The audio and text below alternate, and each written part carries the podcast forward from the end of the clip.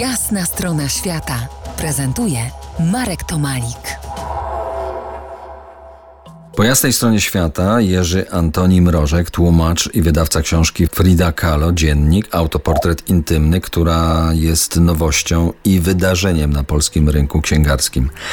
Próbując zrozumieć ten niezwykły dziennik, przyglądamy się Fridzie i jej życiu w czasie naszej rozmowy. Frida rodzi się w przededniu rewolucji meksykańskiej, która, jak to rewolucja, co powiedzieliśmy wcześniej, wywraca wcześniejsze porządki i siłą swej grawitacji wciąga ją y, do środka. Tak, i zresztą w dzienniku opisuje ona sceny nawet y, ze swojego dzieciństwa, kiedy walki rewolucyjne odbywają się dosłownie na ulicach pod jej domem, także to było bardzo silne przeżycie. No i to jest moment historii Meksyku. Meksyk nie miał II wojny światowej, nie miał jakiejś sowieckiej zawieruchy tutaj. Także rewolucja meksykańska to była pierwsza wielka rewolucja XX wieku. 1910 rok. Ona miała przeogromny wpływ na wszystkie sfery życia Meksyku ostatnich 100 lat lat od y, sfery życia politycznego, gdzie poustawiane zostały struktury władzy, zarządzania państwem praktycznie na 100 lat, poprzez układy gospodarcze, poprzez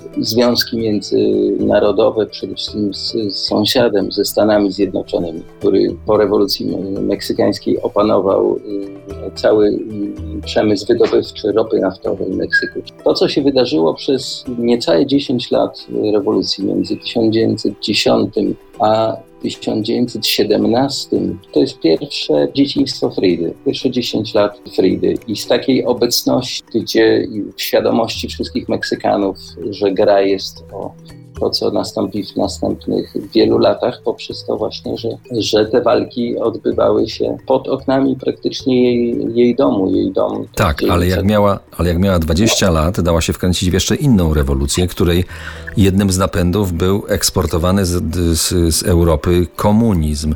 Na kartach dziennika, o którym dziś rozmawiamy, są tego silne przejawy. Na przykład tłustymi literami pojawiają się Marx, Engels, Lenin i Stalin a nawet nieco mniejszymi Mao.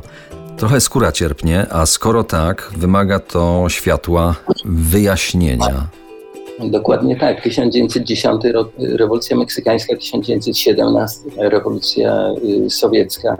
I trzeba mieć świadomość z jednej strony tego, że to, co dociera do Meksyku z rewolucji sowieckiej, to są głównie hasła tej, tej rewolucji. To są głównie teorie anarchistów rosyjskich, niezwykle ciekawych, i niezwykle burzących y, pewną strukturę, y, przeciwko której i opozycja meksykańska i intelektualiści meksykańscy bardzo mocno, z którą walczyli.